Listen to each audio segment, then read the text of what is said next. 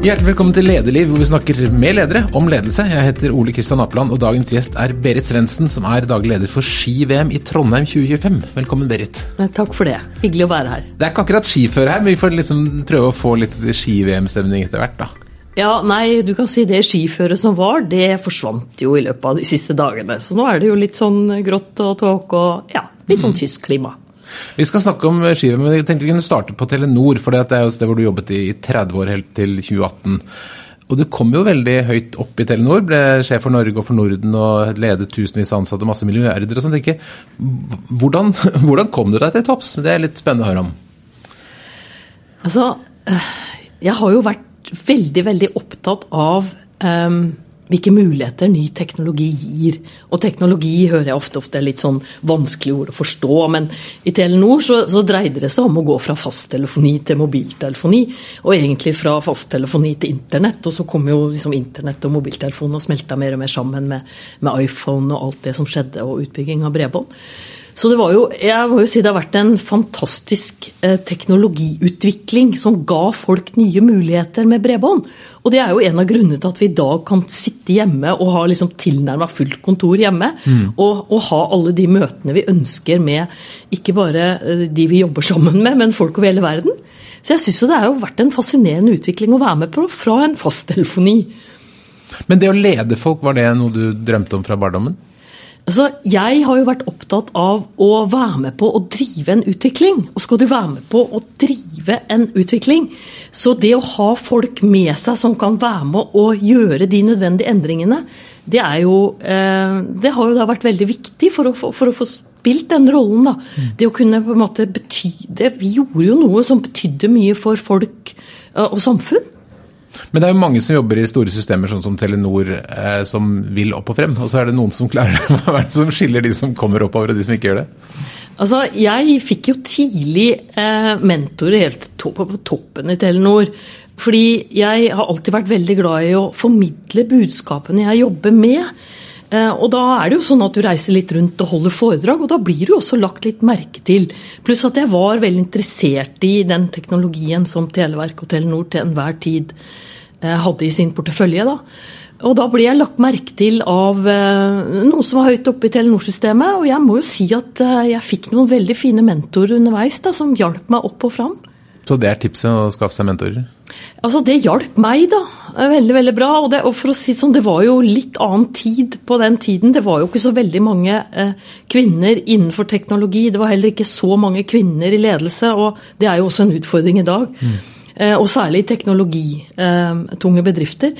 Så, så, det var vel kanskje litt det også at de eh, herrene, det var mest herrer på toppen da, de så jo at her er det en mulighet eh, for å få frem unge kvinnelige ledere som, som vil noe med bedriften.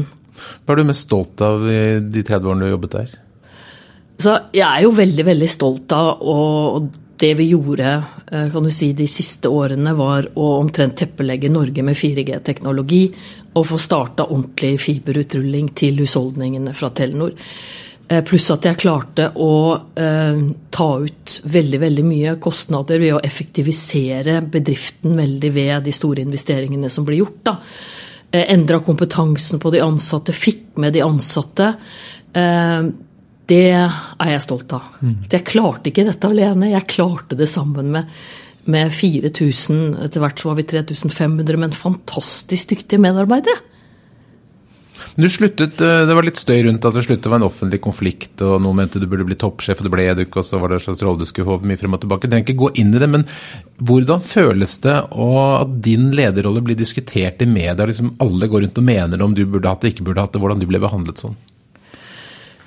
Så det var jo litt av en overgang. Um, fordi altså, i Telenor uh, og Telenor Norge så hadde jeg jo uh, de, mest, uh, de, beste kommunikasjonsekspertene.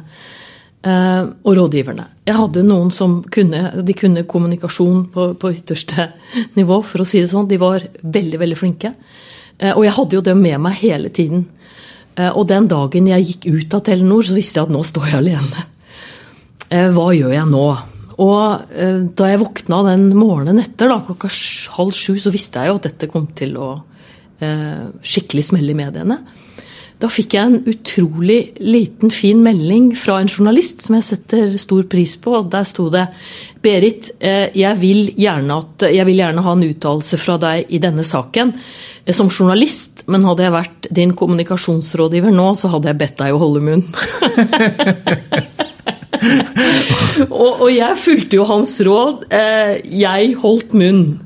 Eh, for jeg tenkte at eh, For det første så ønska jeg ikke å hive mer på det bålet. Jeg var jo veldig glad i Telenor. Og jeg syns jo at det sto for noe, noe jeg var veldig, veldig stolt av. Og jeg tenkte at jeg har jo også etter hvert tenkt til å begynne å søke meg nye jobber. Så det er vel bedre å ligge litt lavere i terrenget og la den debatten dø ut, for det visste jeg at den kom til å gjøre. Mm. Så sa du at du skulle ha sluttet tidligere. Hvorfor det? Jo, for det var ikke så veldig morsomt på slutten. Um, og det tenker jeg også har med, med, ledelse å gjøre. Det med å på en måte kjøre litt sånn tydelige linjer uh, når, når, ting ikke fungerer som det skal, da. Det tenker jeg kunne vært gjort på et tidligere tidspunkt. Mm. Så er jo folk aksepterer jo det.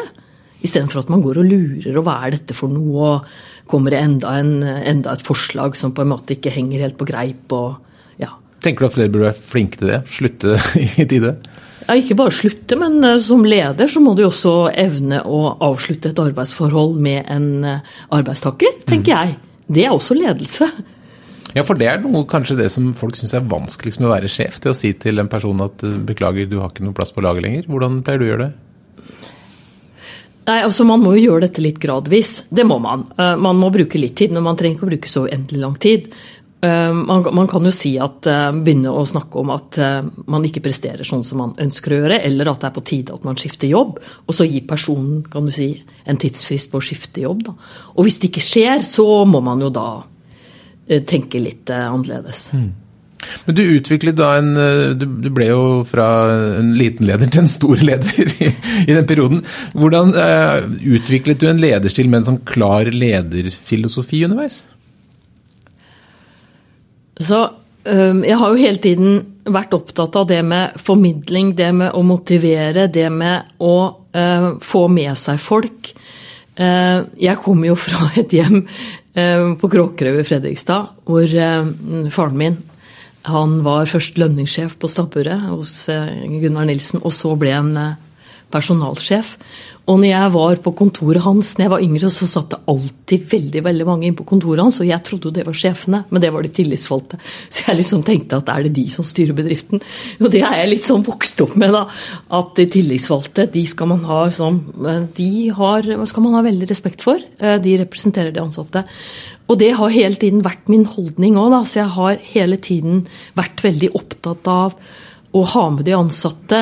Og når vi har kommet til vanskelige situasjoner, så har jeg prøvd å løse det med eh, de tillitsvalgte og ansatte representantene. Mm. Eh, og det gjorde jo at eh, du prøver å løse de vanskeligste tingene inne på kammerset, så det ikke kommer ut, og at du evner da å kjøre store omstillingsprosjekter uten at det ender i mediene.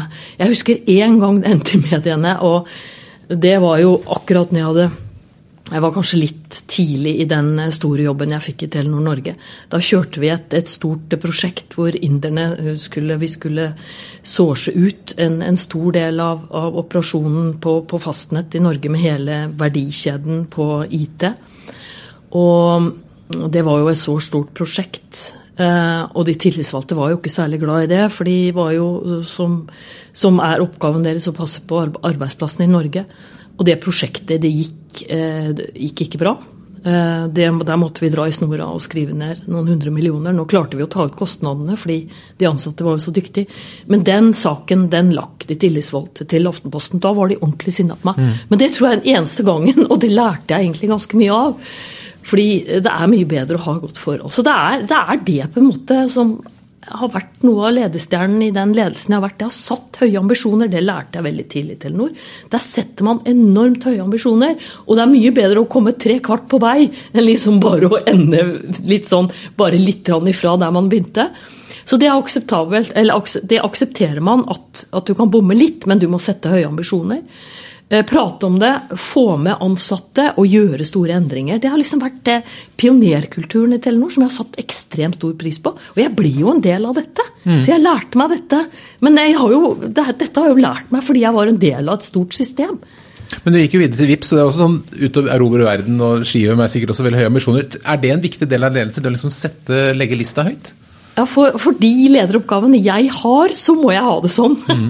Ellers så syns jeg at det blir litt eh, Vil også si litt kjedelig. Eh, hver gang jeg kommer inn eh, et sted og man ikke har satt høye ambisjoner, eh, så etterlyser jo jeg det. Hvor er det man, vil hen? Hvor er det mulig å nå? Hva skal til for at man kan dra opp et enda større bilde? Jeg tror det er viktig å diskutere det gjennom, sånn at man ser det potensialet som ligger i bedriften eller organisasjonen. Da. Men er det ikke da fare at man liksom gaper for høyt og lager urealistiske forventninger?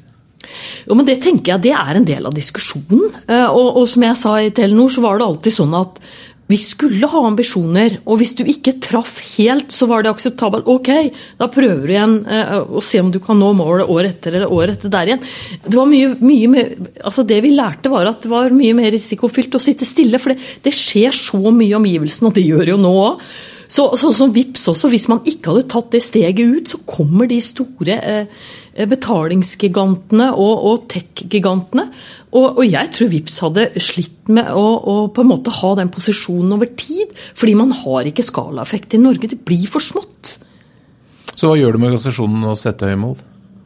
Altså, eh, Det motiverer veldig veldig mange, eh, absolutt. Og så er det noen som kanskje syns det er litt for tøft også. Men da er det viktig å jobbe med dem, og det er ikke alltid alle som vil være med på en sånn reise. Eh, og det er fritt frem å si nei, dette vil jeg ikke være med på, ikke sant. Og det er jo bare å ta en konsekvens av det. Eh, men de aller aller fleste jeg jobber sammen med, de syns jo det er spennende med, med, eh, med, sånne hårete ambisjoner. Og så må man finne ut innenfor de ambisjonene hvordan kan du lage på en måte målbare aktiviteter, så folk kjenner seg igjen i hva skal til for å nå det målet. Og så involvere og engasjere ut ifra det. da. For det er sånn, Vi skal erobre verden, det kan bli litt for langt unna?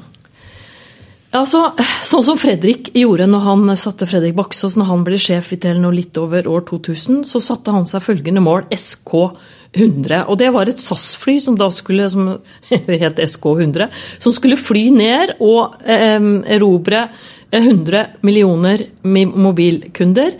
Telenor skulle ha 100 milliarder i omsetning. Det var liksom målet hans. Og før han gikk av, så hadde jo Det var jo mange, mange år etterpå så hadde vel Telenor 115 milliarder i omsetning og nesten 200 millioner eh, mobilkunder med tilknytta selskap. Mm. Så, så, det var jo, det var jo sånn ledestjerne for oss. Og det var da jeg lærte å sette disse målene. Da. Hvordan får man de målene ut i organisasjonen? Det får man ut ved å, å jobbe med, med, For det første må du jo involvere de ansatte på sånne mål. Og du ser jo når du kommer opp med sånne mål, så er det jo en del som, som syns at dette er fantastisk spennende, og så en del som sier å nei, dette vil vi ikke klare. Og så må du jobbe med, med aktiviteter som, no, som på en måte fører til målet. Og så må du måle dette underveis og fortelle organisasjonen hvordan ligger vi an i forhold til de målene vi satte oss. Og det kan jo være mål som er satt liksom et hårete mål på fem års sikt. Og da må du bygge liksom opp målsetninger år for år da, og prøve å nå dem. Og så må du kommunisere det og si at nå er vi litt bitte grann uh, vekk fra det målet vi satte oss. Nå gjør vi de og de justeringene, og så er vi i gang igjen. Og så må du skryte ansatte. da, Det er jo de ansatte som står på hver eneste dag og passe på at eh, alt fungerer i bedriften. Så skryt er viktig? Ja, skryt er jo viktig. Det er, her er menneskelig. Så hvorfor, eh, ja, hvorfor skal man ikke enda, skryte enda mer av folk, tenker jeg. Vi gjør det altfor lite. Jeg treffer så mange dyktige mennesker. Og nå har jeg heldigvis blitt mye flinkere til å si ifra. det er bra. Du nevnte Fredrik Baksås. Er det andre ledere som har inspirert deg underveis? Altså Ole Petter Håkonsen, det er jo enda lenger tilbake. Han var jo teknologidirektør i, i Televerket Telenor, og det var han jeg fikk eh, jobben etter. Og han også var jo helt fantastisk på det med ambisjoner.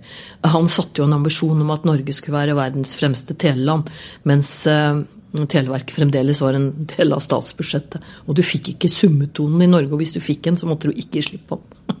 For vi fikk ikke penger til å bygge ut, så det var jo, det var jo ikke kapasitet i nettet. Og da satte han opp en ambisjon, og det klarte eh, Televerket, da. Det ble et av verdens fremste teleland. Før man tok det internasjonale skrittet. Og det var jo Tormod som først kom opp med de ambisjonene. Altså Maken til person som Tormod Hermansen, som torde å sette sånne hårete mål mens Televerket fremdeles var en del av, av, staten, eller statseid. Først så var vi jo statsbudsjettet, så ble vi statseid. Han satte det i målene, og han gikk jo ut og erobra verden med statens penger. Ja, det, altså, han var også en person som jeg beundrer stort. Og en annen person i nyere tid er jo Rune Bjerke. Mm. Med alt han fikk det rundt eh, ja, den vanvittige eh, verdis, verdiskapingen han klarte DNB, og så klarte å få ut VIPS som den innovasjonen det var. Det syns jeg også det lyser veldig god ledelse av. Er det noe fellesnevn for alle disse? Høye ambisjoner. Eh, er på en måte visjonære, ser mulighetene, evner å ta, dra med seg folk. Uh, står på, vet at de beveger seg litt sånn på bleeding edge noen ganger. Uh, vet risikoen, men de gir ikke opp. De bare står på, justerer kursen litt, tar med seg enda flere. Flink til å snakke med folk. Mm. Og Så sluttet du til Nord, og så kunne du da velge å vrake. Hadde, finne deg en ny jobb, og så valgte du Vipps. Hvorfor det? Det som da jeg syntes var spennende, var jo at uh, Norge ligger jo helt framme på vei en av de fremste tele-, tele og bredbåndslandene i verden. Vi vant jo en pris før jeg gikk av på å, være, å ha det beste mobilnettet i verden. Og det er ikke gitt i Norge, hvor du i Nord-Norge? Du kan ikke bygge ut om vinteren. Det er eh, frost i bakken, det er ikke lov å klatre i mastene pga. HMS. Likevel så klarer du å vinne en sånn pris foran Singapore og Nederland. Og, og, det har jeg liksom fått inn eh, med T-skjorte Telenor, at det å være best, vi skal ligge fremst i verden. Og da tenkte jeg hvilken annen bransje er det som ligger veldig langt framme? Og da hadde jeg jo sittet i styret i, DNB fra ca. 2010. Um, først i bankstyret og så i ASA-styret. Og da fikk jeg jo veldig fort inntrykk også av at uh, norsk bank- og finansnæring er jo helt i verdenstoppen. Med både med digitalisering og, og kostnadsandel i forhold til inntekter. Og da tenkte jeg kanskje det er innenfor dette området jeg nå skal jobbe. Eh, og når jeg fikk denne telefonen, da, så tenkte jeg ja. Mm. Fintech. Eh, det er utrolig spennende. Og med all respekt, jeg trodde telekom var vanskelig, men jeg kom inn i fintech. Og det er fremdeles sånn at jeg er fascinert over at det skal være så vanskelig eh, å sende penger til utlandet. og at det skal ta så lang tid. og Da jobbet du med, med Skandinavia. Hva slags hårete mål satte du deg da? Nei, Vi så jo eh, ganske fort at eh, VIPS eh, burde ut i verden. Eh, og det var liksom to eh, teknologier som egna seg for eh, internasjonalisering. Det ene var jo den mobile lommeboka som vi kjenner som VIPS. Og det andre var Norsk bank-ID, mm. som er en, en, nasjonal elektronisk ID som få land har maken til. Det er bare Norge og Sverige. Og når det gjelder lommebøker som VIPS, så er jo også Norden i en særklasse med MobilePay i Danmark og Swish i, i Sverige. Og da tenkte vi at det er mulig å, å erobre Europa og bli en, en, lommebok i Europa, eller ta posisjonen innenfor bank-ID. Um, men så reiste vi jo rundt og prøvde å selge dette, da. Uh, og da fikk vi jo bare beskjed om hvorfor klarer de ikke å samarbeide i Norden? Dere som er liksom uh, en av verdens fremste regioner på fintech. Og så skal dere ut og selge dette til oss, og så klarer de ikke å samarbeide i Norden? Og så prøvde vi eh, med MobilePay, og det er da Første gangen var vel eh, to år siden, tror jeg. Og da var det et helt annet eh, styrkeforhold mellom Danske Bank og DNB. Og da ble også på en måte bytteforholdet mye vanskeligere. Og da ble det ikke noe videre ut av de forhandlingene. Så det hadde vært sonderinger før. Men når, eh, kan du si, når Danske Bank opplevde noe av det de gjorde i Estland, så mista jo Danske Bank eh, veldig eh, stor del av verdiene sine. Og da når samtalen satte i gang igjen, så var det et helt annet bytteforhold og en helt annen kan du si, driv i forhandlingene. For da fikk DNB en mye større rolle. Da. Mm. Og da dro de også med den finske aktøren Pivo. Så hvordan, da, hva klarte dere å oppnå? Nei, er, det er jo nå en planlagt uh, sammenslåing mellom MobilePay, som er altså danskenes svar på VIPS, og Pivo i Finland, til å bli på en måte ta en posisjon som et, en, en, veldig spennende aktør i det nordiske markedet. Men det er en planlagt fusjon, for den må jo eh, godkjennes av eh, konkurransemyndigheter i EU. Og For oss som ikke kjenner verden på dette området, hvor unikt er det vi har i Norge? Ja, Det er helt unikt. Altså, du kan si at uh, Det som er helt fascinerende hvis du ser på Norge, Sverige og Danmark, er at i Norge så har vi en kontantandel i uh, i finansielle transaksjoner på ca. 3% etter covid. For det er jo ingen som går rundt med kontanter lenger. Det er jo noen som har prøvd å vaske pengene og sånn. Mm. Det er jo hvitvasking i praksis. Men det funker ikke lenger. Det er ingen butikker som vil ha penger, alle vil ha kort. Um, så kontantandelen i Norge er veldig veldig lav. Det er samme i Sverige og noe av det samme i Danmark. Hvis du ser på Tyskland f.eks., så ligger de på 60-70% av alle finansielle transaksjoner er kontanter. Og Det er liksom et par grunner til det i Norge. Det ene er jo at vi har en nasjonal elektronisk ID som gjør at du identifiserer deg elektronisk. Um, Bankaksept kom tidlig opp som et, et, nasjonalt regelverk for hvordan eh, man kan overføre penger ved hjelp av dette kortet. Det er jo, det er jo en ekvivalent til Visa, men det virker jo mm. bare nasjonalt. Og det er veldig veldig unikt, pluss at man nådde ut til alle som eh, man trenger betaling i Norge for å kunne betale. Eh, og så kom VIPS, som tok lag og foreninger og barn og gaver og alt det der. Og da på en måte klarte man å digitalisere pengestrømmene. Så eh, VIPS er jo da en, en, fantastisk måte å overføre penger mellom eh, venner på. Og nå har vi også gått inn Nå sier jeg vi ennå, da. Jeg er litt sånn uvan. Nå er jeg også liksom på full fart inn i e-handel. Eh, og VIPS er jo forenkling i verdensklasse. Altså, jeg husker jo før hun måtte inn i inn i nettbanken og mobilbanken for å overføre penger til venner og kjente. vet du hva, Det var altså så komplisert. Og nå gjør du det bare sånn. ikke sant? Så har, de har truffet et eller annet som er helt unikt. Det, men VIPS var ingen norsk innovasjon. For at danskene begynte i 2012, og svenskene begynte i 2013. Og Rune Bjerke, som var sjef i DNB på den tiden, han satt jo og så på hva som fungerte i Danmark og Sverige. Og han visste jo at dette også ville fungere i Norge, men han måtte finne den, kan du si, den lokale touchen på produktet. Og det fungerte jo. Det er en fantastisk historie. Men så har du da, du valgte da i år å gå videre fra VIPS til ski-VM. og Hvorfor det? Så, eh, det, er jo, det, er jo, sånn som jeg tenker nå, det passer jo egentlig aldri å, å skifte jobb. Og for meg, når jeg fikk den telefonen i sommer, jeg var ute på hytta og det var liksom på den varmeste tiden, så kom denne telefonen om ski-VM i Trondheim. Jeg tenkte jeg ski-VM i Trondheim? Det er vel litt langt unna. Ja, det var 2025, og tenkte jeg skal vi ansette noen alt der nå? Liksom, det ble litt sånn, litt sånn oi. Men så hadde jeg jo en del samtaler med headhunter, og, og så ble jeg jo liksom overbevist om at du verden, dette med, med ski-VM Det skjer jo i Norge uh, med større mellomrom enn hvert tiende år. ikke sant? Det var jo Oslo 2011, mm. før det var det Trondheim 1997. Uh, og nå er det Trondheim 2025. Og jeg husker jo den folkefesten i Oslo, og jeg kjenner jo Åsne Havnelid og vet hva slags fantastisk jobb hun gjorde.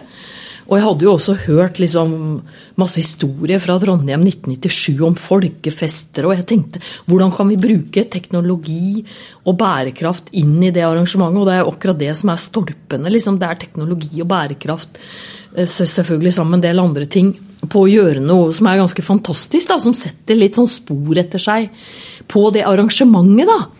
Og så tenkte jeg skal jeg tilbake til Trondheim. Jeg, jeg liker jo veldig godt trøndere. Jeg har bodd der i fem år. Jeg, altså det med NTNU, teknologihovedstaden Det er jo veldig flott i Trondheim. Så jeg tenkte kanskje jeg skulle gjøre noe annet en stund. Og følge liksom eh, veldig hjertet mitt, da. Og så ble det jo sånn, da. At jeg da valgte å, å ta denne muligheten, da. Og da følger du vel mønsteret? Må du lage et, spenne opp noen store ambisjoner? Ja, vi, vi, gjør jo det, da. Og, og det er sånn, sånn, som ledergruppa sier nå. Jeg sier jo, hvis jeg sier at jeg, jeg skal ha tiårets-VM, så sier de til meg nei, det er tidenes VM, Berit. Nå må vi heve seilet. Så nå har jeg fått med meg noen som ønsker å heve seilet enda mer enn meg, og det er jo helt fantastisk flott. Og så må vi ha all respekt for det med eh, å liksom, si at det blir en folkefest, for det er ikke selvfølge. Jeg hadde en samtale med en i dag. Han sier du må i hvert fall sørge for at folk har det bra på arenaen. Ellers er det jo ingen som gidder å gå ned i sentrum etterpå og se på premieutdelingen. Mm. Um, og til og med under premieutdeling her i Oslo i 2011 så var jo Åsne Havnelid ganske instrumentell i det å spørre utøverne hva slags premieutdeling vil dere ha. Jo, de ville gå på catwalken. Mm. Og vi vet jo hvilken suksess det ble med gulljakken. Så du må liksom involvere og, og finne de riktige si, tingene å spille på da, for at folk skal ha det eh, veldig morsomt under hele arrangementet. Og det håper vi på, da. Så det er i hvert fall laga store ambisjoner, og vi tror og håper at det blir en fantastisk folkefest, men at vi også klarer å få til en del ringvirkninger rundt, bl.a. når det gjelder bærekraft. Men du startet da med blanke ark og skulle lage en ledergruppe. Det er jo litt gøy å kunne gjøre. Hva, slags, hva tenker du når du da skal finne et sett med mennesker som skal være med deg og bygge en fantastisk suksess? Ja, fordi altså, Jeg visste jo at det kom til å komme litt kritikk. Det hadde jeg jo fått beskjed om. Ikke sant? Ikke var jeg trønder, eh, og det er ikke nok å ha vært fem år i Trondheim. Liksom. Det, du blir ikke sett på som ikke engang en skaptrønder. Eh, og så visste jeg jo det at det kom til å komme kritikk på at jeg ikke hadde den tilknytningen til skimiljøet. Jeg har jo drevet mye med idrett sjøl, men jeg har ikke vært i uh, idrettsorganisasjoner i voksent liv, for jeg har drevet veldig mye i næringslivet, jeg må si mm. det. Eh, og den kritikken visste jeg ville komme. Så da måtte jeg jo eh, sette sammen en ledergruppe som hadde en del av de tingene jeg ikke hadde. For jeg, jeg føler at jeg kan ledelse. Jeg føler at jeg er veldig opptatt av, av, bærekraft. Jeg vet hva som har skjedd og ikke skjedd de siste årene. Jeg vet hvordan du skal ta tak i det i en bedrift. Jeg har god eh, si, kunnskap om teknologiutvikling. Men jeg, ikke, jeg kan ikke gå på ski. Jeg har ingen tilknytning til skimiljøet. Jeg har ikke arrangert store eh, skirenn før. Og så visste jeg at jeg måtte ha tak i noen som drev forretningsutvikling, for jeg kan ikke være helt alene på teknologi med strategi og forretningsutvikling. Vi skal dra med næringslivet. Jeg visste at jeg måtte ha en, en god uh, markedssjef. Og da gikk jeg jo gjennom søknadene, fordi stillingene var jo lyst ut uh, samtidig med VM-sjefstillingen.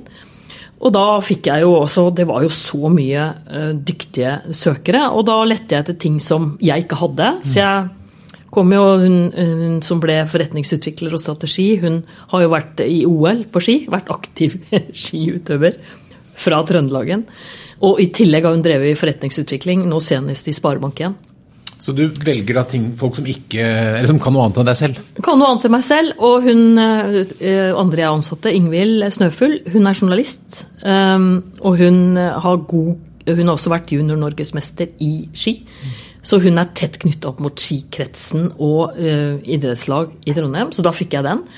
Og så var vi i Sverige og henta en som kan arrangement, som har arrangert uh, ski, skiskytter-VM i Østersund tidligere, så han kan arrangere.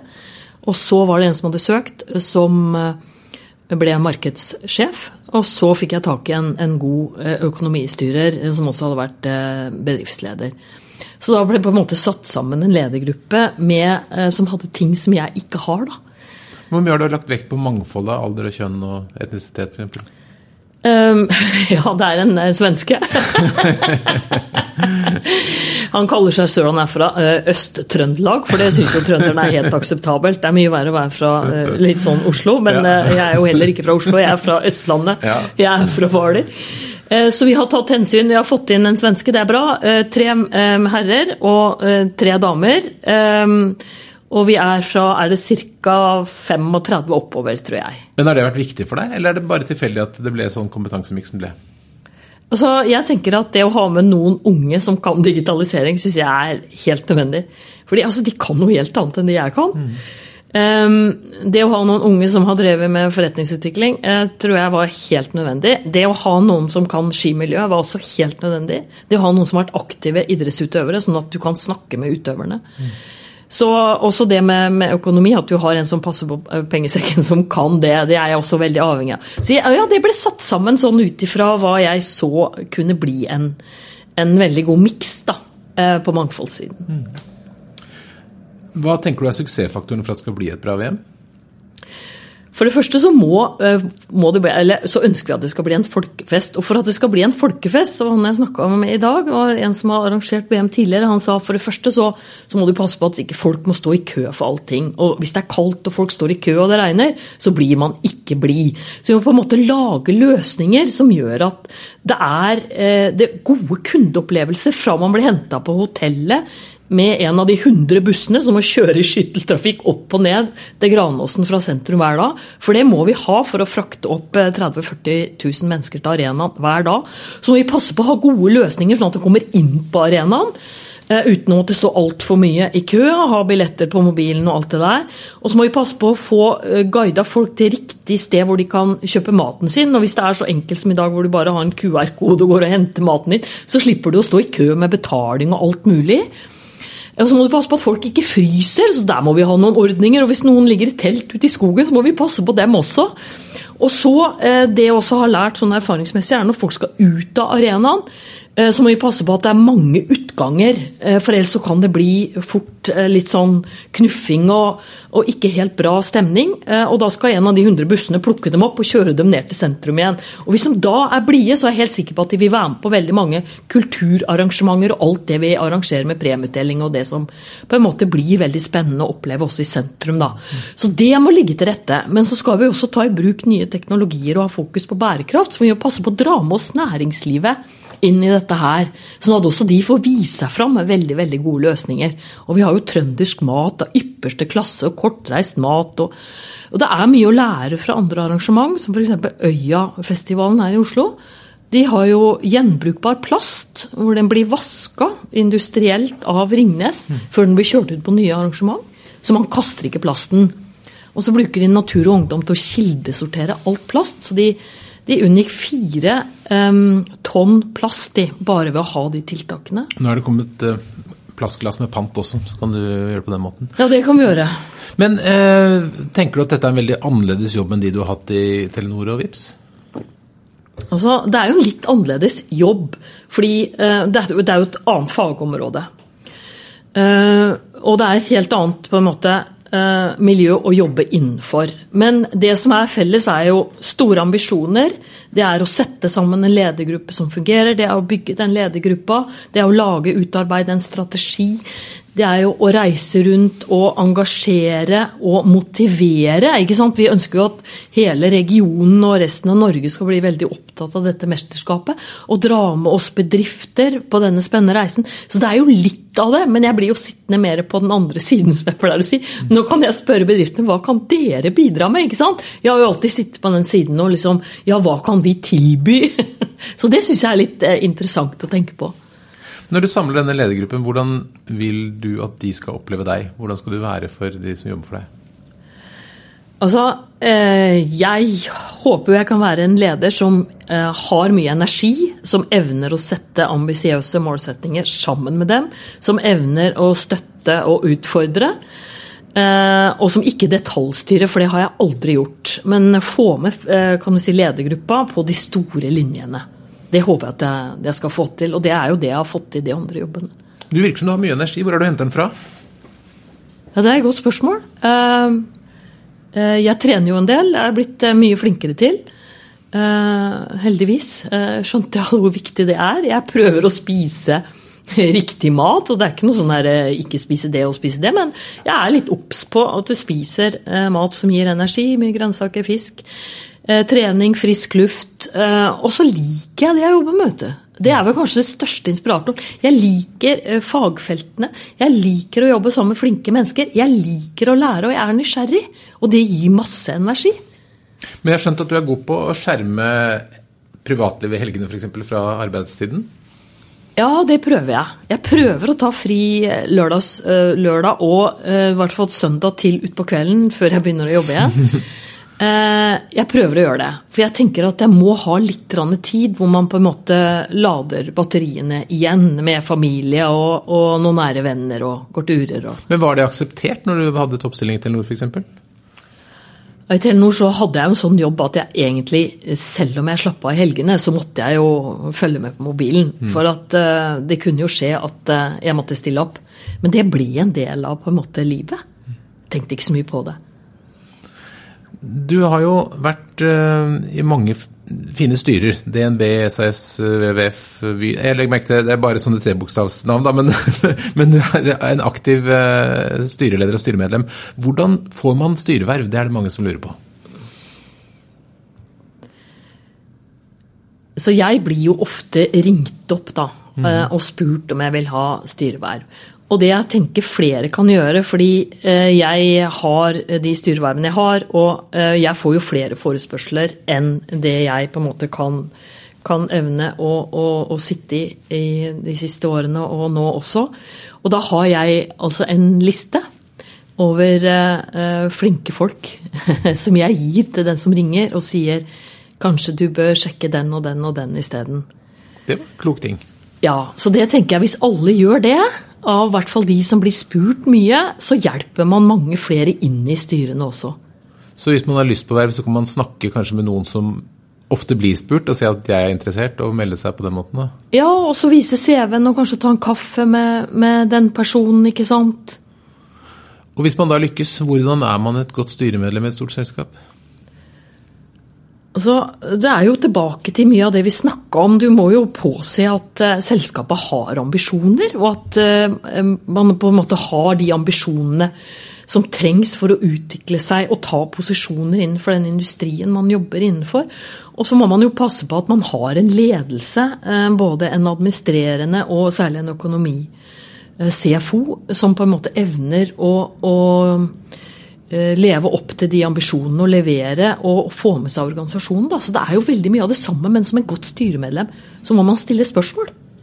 Og, og det må man på en måte ikke, altså det er jo litt annen rolle enn man har når man er den operasjonelle lederen sjøl og sitter som administrerende. Men da må man tenke hva slags spørsmål er det på en måte jeg hadde tenkt å få når jeg satt i de lederrollene? Hva er det du må passe på? Eh, som du vet ut fra den ledererfaringen du har, og ut fra hvert operasjonell leder. Da. Hvor er det skoen ofte trykker? Og de spørsmålene må du stille i styret. Mm. Tenker du at alle toppledere bør også ha styreerfaring for å kunne se det fra begge sider? Det har gitt meg veldig, veldig mye gjennom de siste årene. Absolutt. Også det å komme ut og se hvordan andre bedrifter gjør det, hvordan det fungerer. Det er jo utrolig mye læring. Altså, jeg har jo vært, stort sett vært heldig å sitte sitte i bedrifter som har vært utrolig godt, uh, godt styrt, og, og, har oppnådd veldig veldig mye da, sammen med veldig dyktige folk. Og det har jeg satt pris på. Er du en person som, som leser ledelsesbøker og, og prøver, prøver å lære deg ledelse, eller er det kommet naturlig til deg? Nei, Jeg leser egentlig ikke så mye bøker om ledelse. Jeg leser mer bøker om teknologitrender og hva skjer nå, og bærekraftstrender. Jeg er mer opptatt av faget mitt enn av selve ledergjerninga. Så har jeg heller prøvd å lære av de lederne jeg kjenner som er veldig veldig gode. Hva er det de gjør i enhver sammenheng? Sånn som f.eks. det å være styreleder. Da, jeg lurte jo Jeg tenkte jo fælt, liksom. Jeg satt jo i DNB i mange, mange år uh, som styremedlem og tenkte etter hvert nå er det kanskje min tur til å bli styreleder et eller annet sted. For jeg følte meg jo ganske utlært mm. å sitte så mange år i en så stor bedrift. Men det var jo ene og alene fordi jeg hadde Anne, Karin, Karine Tanum som da en fantastisk styreleder, hvor jeg på en måte prøvde å lære mest mulig av henne mens hun satt i den stolen, og vite hva skal jeg gjøre den dagen jeg sitter i den stolen. Og da kommer det litt mer naturlig, og så vet du jo at det tar litt tid før du liksom opparbeider den rollen også. Men det har vært, det har vært min, min måte å gjøre det på hele veien. Jeg har prøvd å lære av de lederne jeg ser som får til noe og evner å engasjere. Mm. Du nevnte at nå har vi håndtert pandemien med bl.a. bredbåndet som du var med på å få oss til å bygge. Tror du pandemien har forandret arbeidslivet noe sånn varig? Jeg tror det. Jeg tror ikke at det er så mange som kommer til å gå til jobben fysisk, eller sitte fysisk på jobben hver eneste dag lenger. Dette er nå en trend i alle land. Og det var jo en, en, god trend også før den siste nedstengingen i Norge. Nå er det jo vanskelig å si når myndighetene setter kraft bak noen tiltak og sier nå får vi i mm. hvert fall holde oss hjemme. Men jeg, jeg har sett det overalt at uh, veldig mange ikke kommer tilbake. Og så er det sånn at jeg tenker at noen må være på At de fleste bør være noe på jobben, men at vi skal ha den fleksibiliteten. Og det jeg også hører nå, at det er de samme som er hjemme hele tiden. Så det må man nok jobbe med å få alle til å gå litt eh, på fysisk jobb, for jeg tror alle har behov for å møtes. Men jeg tror dette kommer til å vedvare, for jeg tror det er så gode løsninger nå. Um, og én ting er at det, er en veldig fleksibilitet, en annen ting er at du kan jobbe hvor som helst fra. Hva tror du blir langsiktig konsekvens for samfunnet av det? Nei, det er jo en interessant utvikling. ikke sant? For, for det ene er jo hva, skjer da med all kan du si, offentlig kommunikasjon? Du ser jo at de sliter nå. Ruter eh, har vel hatt eh, bare 70 belegg igjen. Eh, Vy er akkurat det samme, var vel litt over 70% belegg før det nå stengte ned igjen. Eh, så hva skjer liksom med offentlig kommunikasjon? Så ser vi at folk begynner å ta bilen mer. Det er jo ikke en ønska situasjon. Det vil vi ikke. Um, så vi må jo passe på å få folk tilbake der det, det forurenser eh, minst. Eh, og så er det jo også sånn at hva skjer da med byene våre? ikke sant? Vil vi få en helt annen liksom, struktur på samfunnet? Altså, det er ganske mange interessante spørsmål, altså. Eh, som jeg tror blir interessant å følge med på trendene fremover. Du har vært innom bærekraft noen ganger. Betyr det mye for deg? Jeg er veldig opptatt av bærekraft. Jeg er så opptatt av havet. Eh, og det å vite hele tiden at hver gang jeg går ut der, så får jeg i meg sånn mikroplast. Eh, og jeg ser også hjemme når ungene kommer hjem fra trening vintertrening, så hadde de masse under skoa, sånne, eh, de var på gressmatter, sånne grønne små, som katten spiste opp. Det er liksom, Jeg bare tenker at dette er jo ikke bra. Fuglene lager rede av plast. Insektene finner plast hvor de driver og lager i. Dette er, altså, det er jo ikke bra.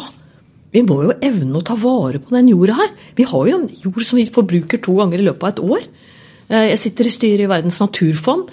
Eh, og det er, jo, det er jo veldig viktige ting å jobbe med, men det er veldig vanskelig å få gjennomslag.